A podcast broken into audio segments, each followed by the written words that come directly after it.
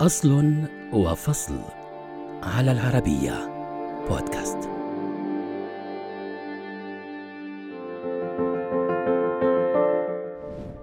قبل اختراع الولاعة كان الحك الخشبي أحد أبرز طرق إنتاج النار قديماً، وفي ذلك الوقت لم يكن من الممكن إقناع أحدهم أنه سيستطيع إشعال النار بأداة بسيطة وفي أقل من ثوان، لكن ذلك أصبح ممكناً باختراع الولاعة. استوحيت الفكرة البدائية لاختراع الولاعة من مسدس ل flintlock، وهو سلاح ناري يستخدم حجر الصوان لإشعال النار. وبفضل جهود العالم الكيميائي الألماني يوهان فولفغانغ دوبرينيير عرف العالم أول نموذج بدائي للولاعة وسمي مصباح دوبرينيير.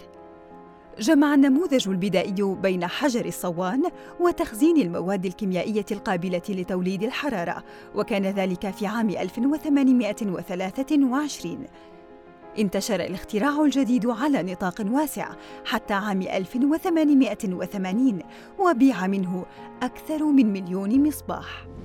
عاب المصباح استخدامه لغاز الهيدروجين بسبب قابليته للانفجار والمخاطر الصحية التي قد تنتج عن استنشاقه بكميات كبيرة.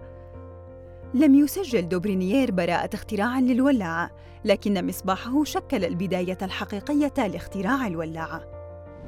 أما المنعطف الأهم في صناعة الولاعات فقد كان في عام 1903 حيث اخترع النمساوي كارل أوير فون فيلسباخ الفيروسيريوم وهي سبيكة اصطناعية تلقائية الاشتعال تتكون من مزج أكاسيد الحديد مع المغنيسيوم أو بدونه. حلت هذه السبيكة كبديل للحديد المستخدم في الولاعات الحديثة. تسابقت الشركات في تصنيع نماذج مختلفة من الولاعات وفي عام 1910 طورت شركة رونسون نموذجاً يعتمد على وقود النفثة الذي بقي رائجاً لوقت قصير. كما صنعت شركات أخرى نماذج مشابهة باستخدام وقود النفثة والبنزين والكيروسين.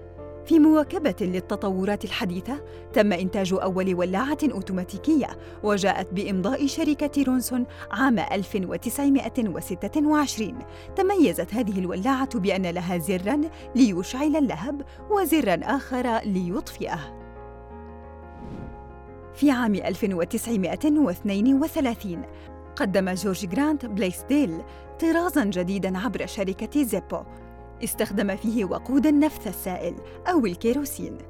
تميزت ولاعة زيبو بأنها تسمح باشتعال النار في ظروف جوية سيئة كما أنها آمنة الاستخدام وتدعم ميزة إعادة التعبئة. قدمتها الشركة بأشكال ورسومات مختلفة وكان ثمنها معقولاً. وفي الخمسينيات تم تعديل نوعية الوقود واعتماد غاز البوتان للتخلص من رائحة النفثة والحصول على نار أكثر انتظاماً. أما في عام 1972 قدمت شركة بيك النموذج الأكثر حداثة وكان عبارة عن ولاعة محمولة تكفي لثلاثة آلاف شعلة واصلت الشركات المصنعة تطوير أشكال مختلفة من الولاعات، فطوروا الأداء والشكل حتى أصبحت على ما هي عليه اليوم.